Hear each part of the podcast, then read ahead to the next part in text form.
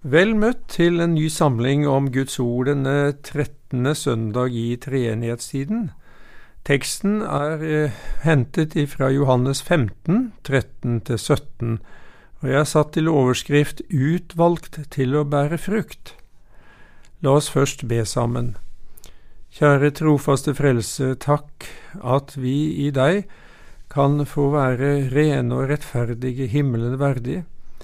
Og takk for at det også er mulig for deg å skape evigvarende frukt i våre liv. Amen.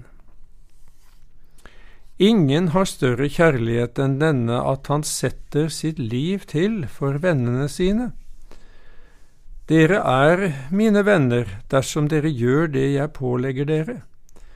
Jeg kaller dere ikke lenger tjenere, for tjeneren vet ikke hva Hans Herre gjør men dere har jeg kalt venner, for alt det jeg har hørt av min far, har jeg kunngjort dere.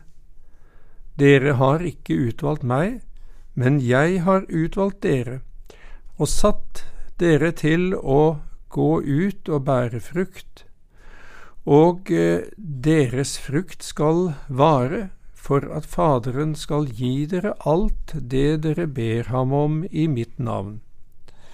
Dette er mitt bud til dere, at dere skal elske hverandre. Å være utvalgt forbinder vi vanligvis med noe stort og ærefullt.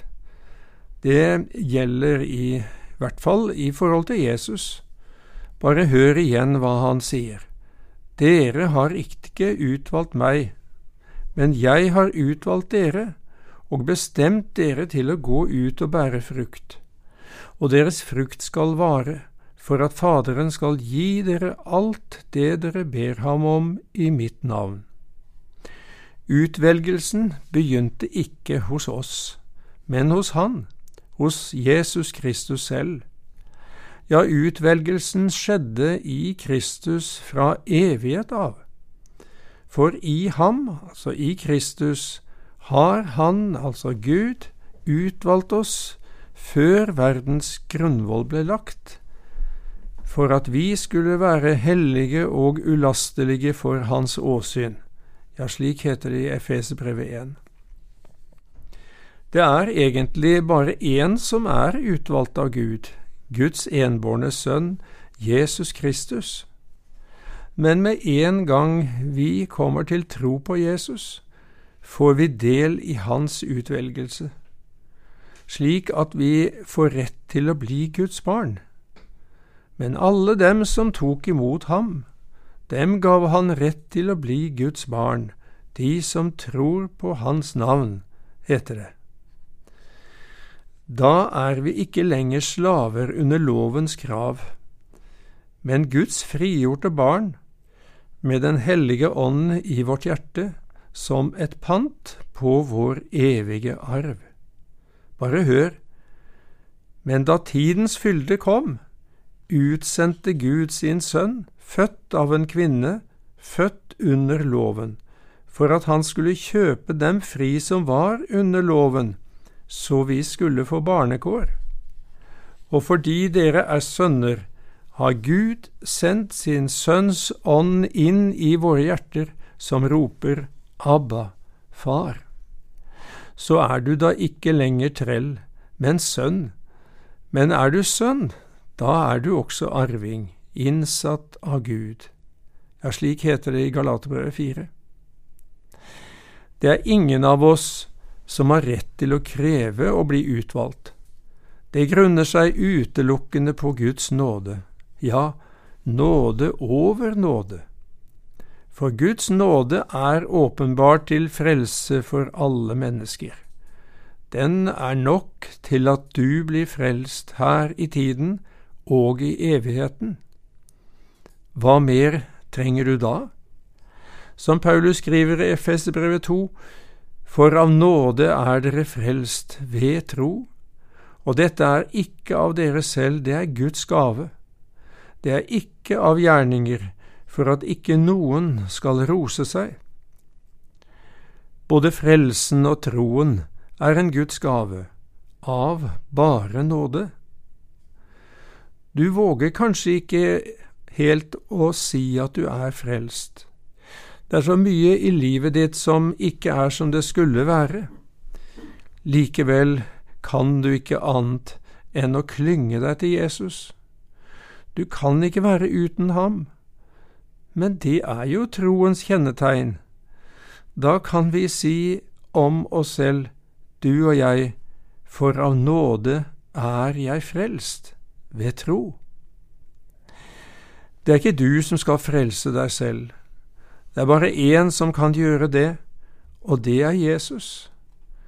Han har allerede lagt grunnlaget for at du kan bli frelst.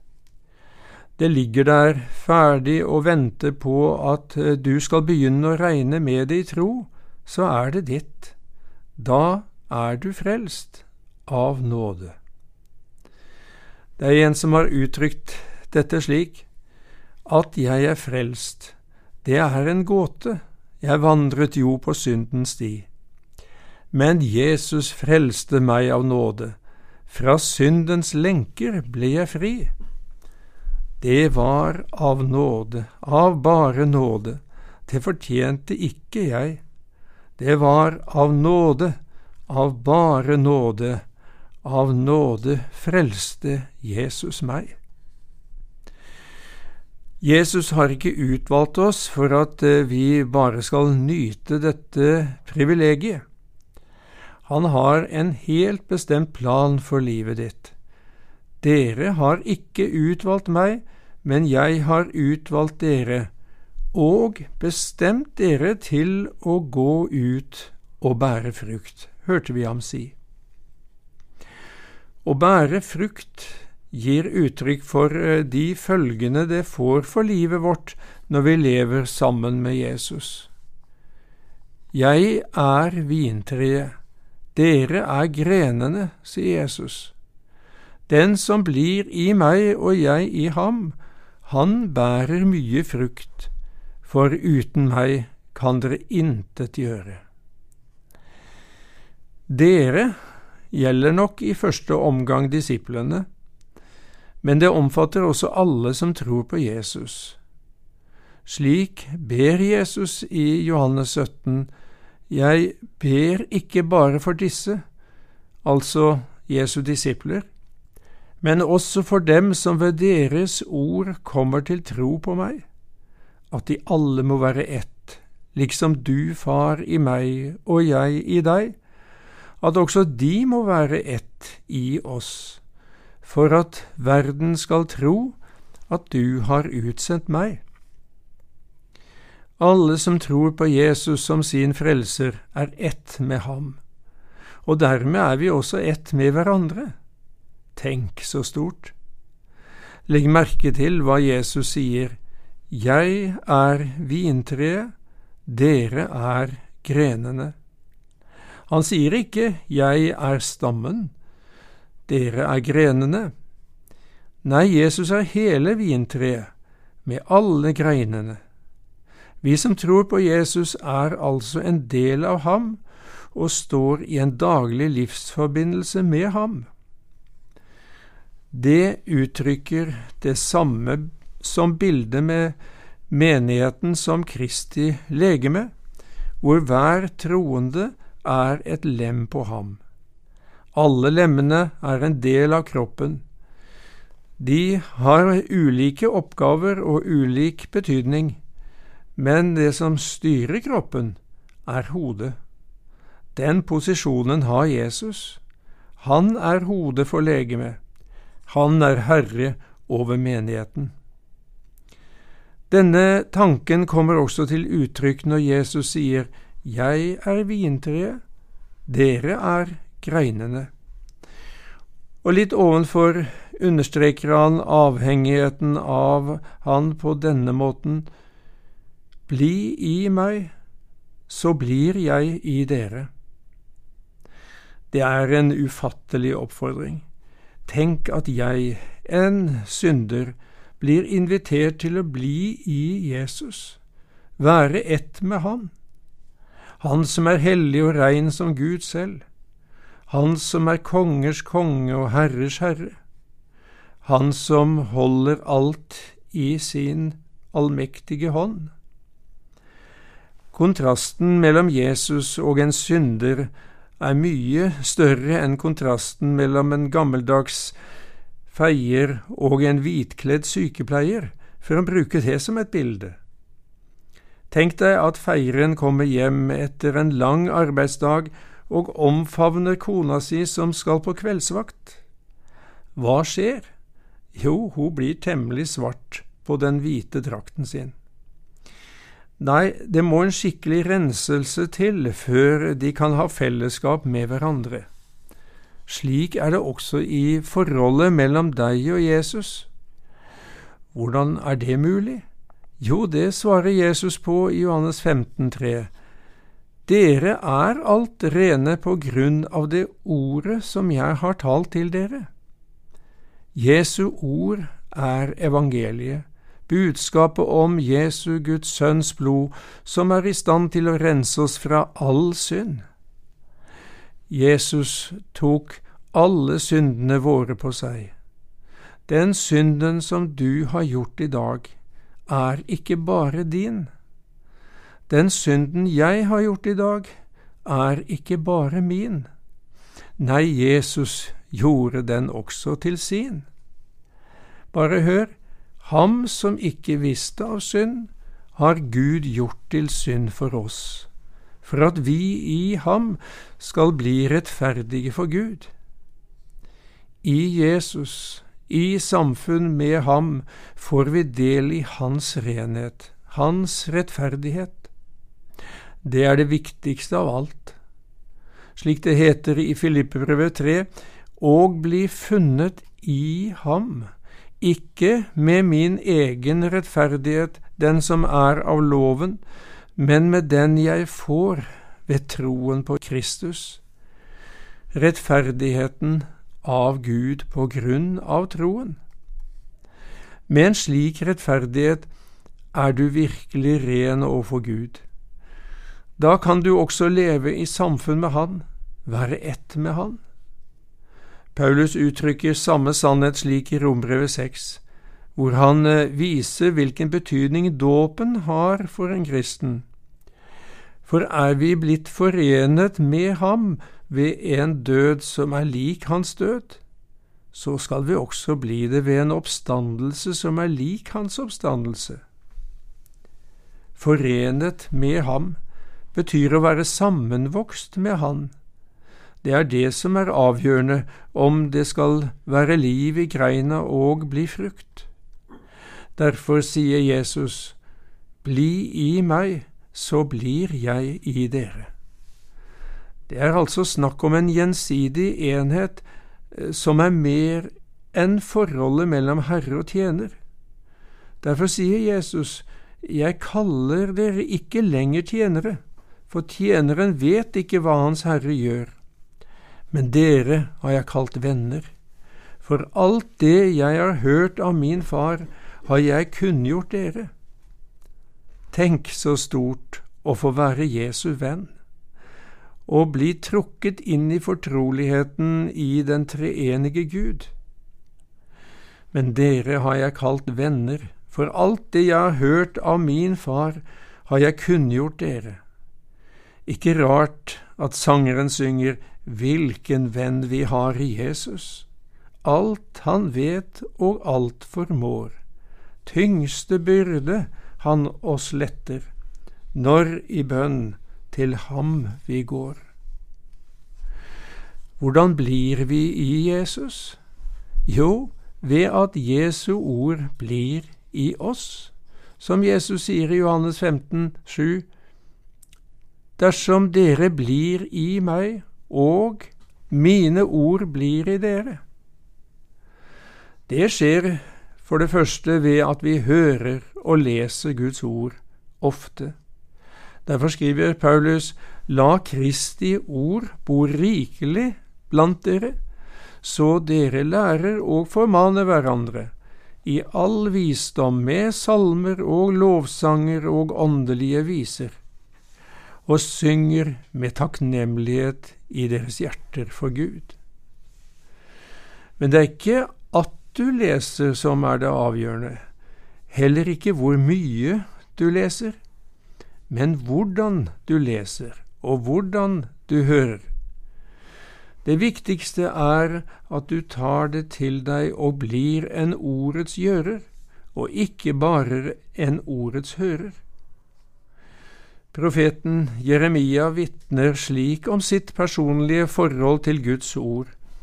Jeg fant dine ord, og jeg åt dem, og dine ord var til fryd for meg og til glede for mitt hjerte, for jeg er kalt ved ditt navn, Herre, herskarenes Gud.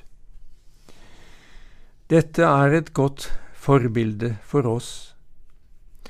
Når evangeliet blir åpenbart for deg, dras du nemlig nærmere Jesus. Slik det fortelles om Lydia fra Tyatira.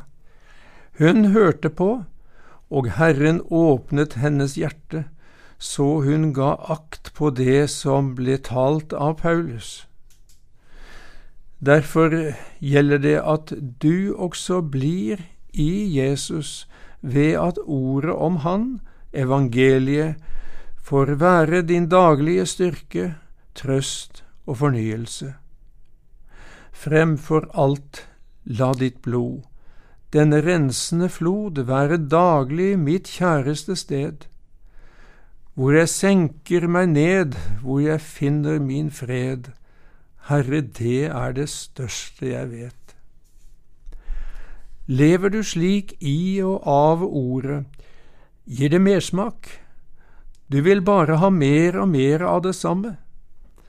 Det opplevde jeg mange ganger som lærer på Fjelltun bibelskole.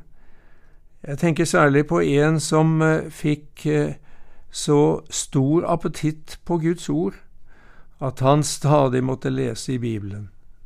Det er et Guds under. Enheten med Jesus er gjensidig. Bli i meg, så blir jeg i dere. Når du blir i Jesus, så blir han i deg. Ja, hele den treenige Gud kommer og tar bolig i deg ved Den hellige ånd. Slik Jesus sier i Johannes 14, om noen elsker meg, da holder han fast på mitt ord. Og min far skal elske ham, og vi skal komme til ham og ta bolig hos ham. Tror du dette får konsekvenser for livet ditt? Å ja, det blir som med greina. Når den er i livsforbindelse med treet, bærer den frukt. Treets livskraft sørger for at det blir skapt noe nytt på greina. Slik er det også med den som blir i Jesus. Jeg er vintreet, dere er greinene. Den som blir i meg og jeg i ham, han bærer mye frukt, for uten meg kan dere intet gjøre. Den hellige ånd virker i deg med sin guddommelige livskraft og skaper noe radikalt nytt i livet ditt. Livskvaliteter og egenskaper som hører hjemme i Guds fullkomne virkelighet, begynner å sette sitt preg på deg. Du blir kort og godt preget av Jesus. Jeg har møtt mange slike gjennom livet.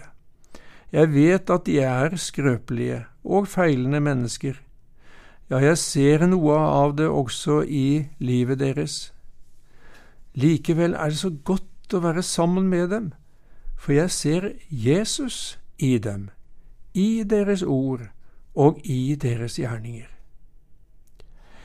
I Galaterbrevet 5 kalles disse egenskapene åndens frukt, men åndens frukt er kjærlighet, glede, fred, langmodighet, mildhet, godhet, trofasthet, ydmykhet, avholdenhet.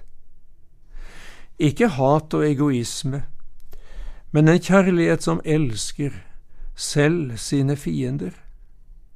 Vi skal få vise andre den kjærligheten som Jesus har vist oss. Ikke den tomme gleden som snart avløses av misnøye og sutring, men den sanne og ekte gleden som holder, også når livet går imot. Ja, vi skal få glede oss i Herren alltid.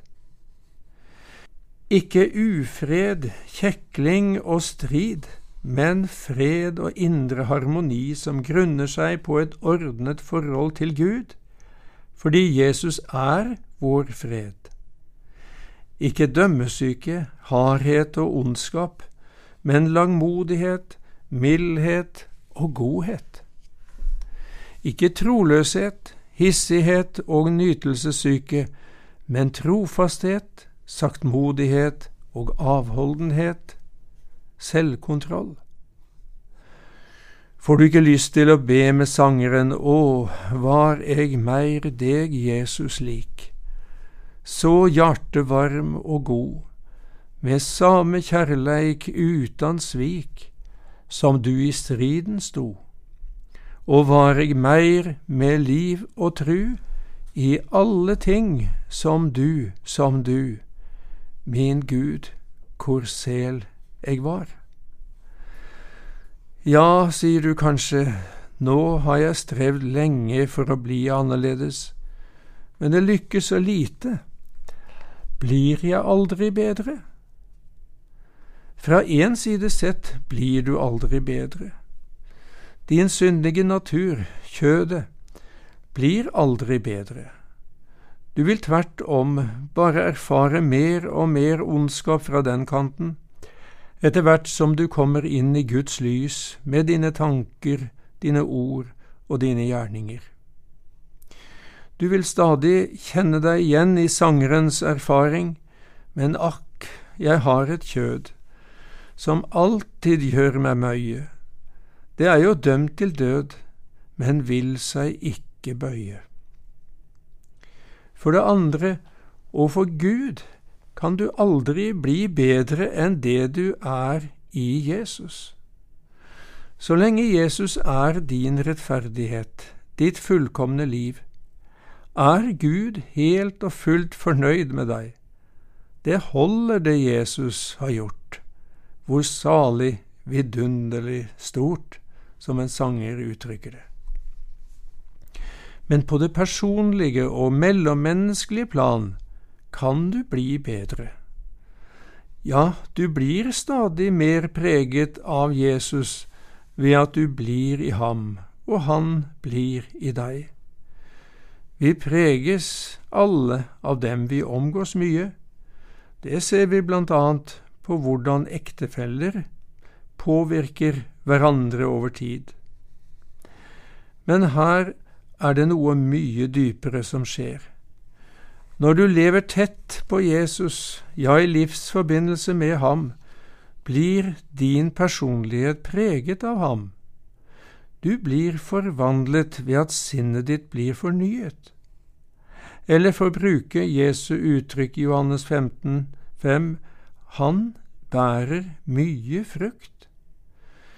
Det er et løfte som du skal få regne med går i oppfyllelse, også i livet ditt. Nå er det ikke du som får anledning til å glede deg over denne frukten. Du har mer enn nok med de syndene som blir avslørt, og som gjør det nødvendig for deg å søke inn til den rensende kilden i Jesu blod. Men eh, Dine medmennesker gleder seg over å kunne merke at Jesus lever i deg. De ser de gode gjerningene dine og priser din Far i himmelen som har virket dem gjennom deg. Slik drar du mennesker til Jesus og sørger for at Gud blir æret. Ja, du vil bære evigvarende frukt ved at du blir et redskap til at andre blir frelst. Dere har ikke utvalgt meg, sa jo Jesus, men jeg har utvalgt dere og bestemt dere til å gå ut og bære frukt. Og deres frukt skal vare, for at Faderen skal gi dere alt det dere ber ham om i mitt navn. Eller som det er uttrykt i en annen bibelutgave, Dere har ikke utvalgt meg, men jeg har utvalgt dere og satt dere til å gå ut og bære frukt, en frukt som varer. Da skal Faderen gi dere alt dere ber om i mitt navn. Jo mer du blir preget av Jesus sinnelag, jo større er muligheten for at han kan få bruke deg til å være menneskefisker.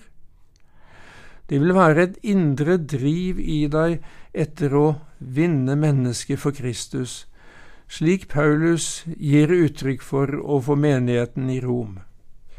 Jeg vil ikke, brødre, at dere skal være uvitende om at jeg ofte har satt meg fore å komme til dere, men helt til nå er jeg blitt hindret. Også hos dere vil jeg gjerne høste noen frukt av mitt arbeid, liksom blant de øvrige hedningefolk. Dette betyr ikke at eh, frukt er noe vi produserer selv. Vi er helt avhengig av Jesus, like som greinen ikke kan bære frukt av seg selv, men bare når den blir i vintreet slik kan heller ikke dere bære frukt uten at dere blir i meg, sier Jesus. Derfor eh, sier han i dagens tekst at Faderen skal gi dere alt det dere ber ham om i mitt navn.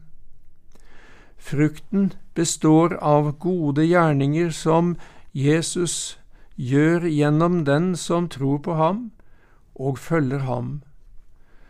Vårt ansvar er å slippe Jesus til og la Han få gjøre sin gjerning i oss og gjennom oss. Slik gir Paulus uttrykk for det i Filipperbrevet 2. Mine elskede, like som dere alltid har vært lydige, så arbeid på deres frelse med frykt og beven. Og så hopper vi til det neste verset hvor det står en begrunnelse for dette, for Gud er den som virker i dere, både å ville og å virke til Hans gode behag. Vi kan si det slik at vårt arbeid består i å legge til rette for Guds arbeid i vårt liv. Da blir vi bevart i troen på Jesus og i etterfølgelse av ham, slik Jesus uttrykker det til slutt i dagens tekst. Dette er mitt bud til dere, at dere skal elske hverandre. Amen.